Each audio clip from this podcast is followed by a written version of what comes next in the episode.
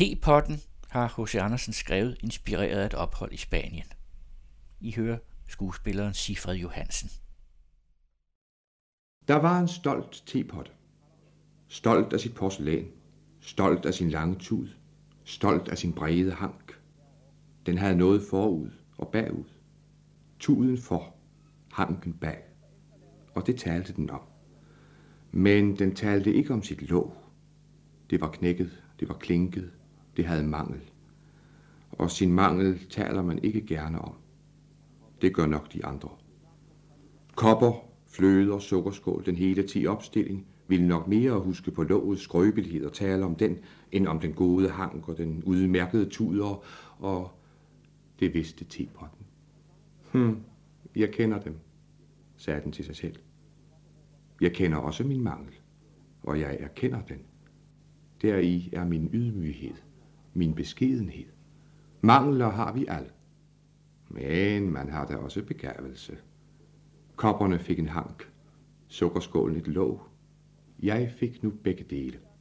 Og en ting forud, den de aldrig får. Jeg fik en tud.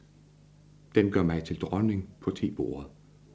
Sukkerskålen, flødekanden forundes det at være velsmagens tjenerinder. Men jeg, jeg er den givende, den rådende. I mit indre forarbejdedes de kinesiske blade i det kogende, smagløse vand.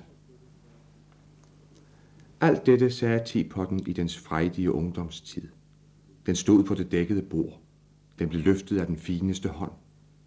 Men den fineste hånd var kajtet. Tepotten faldt.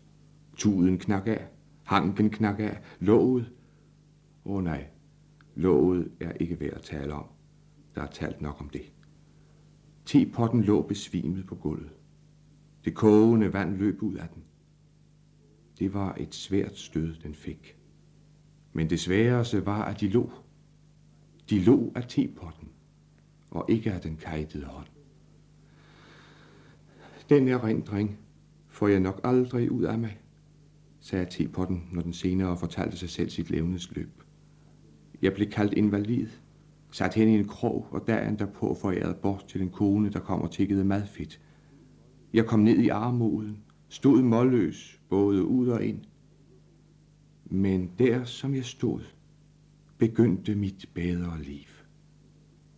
Man er et, og bliver et ganske andet.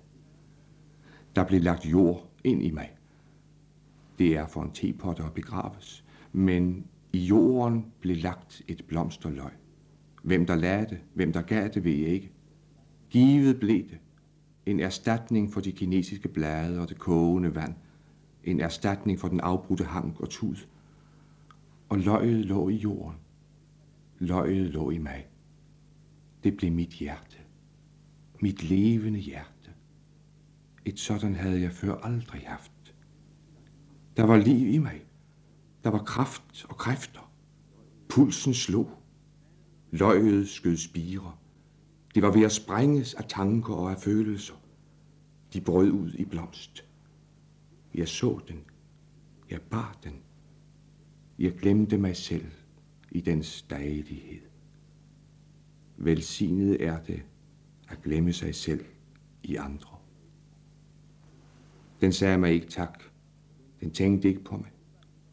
Den blev beundret og lovprist. Jeg var så glad derover.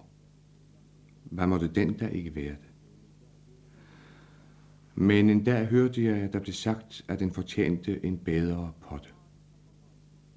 Og man slog mig midt over. Det gjorde voldsomt ondt. Men blomsten kom i en bedre potte.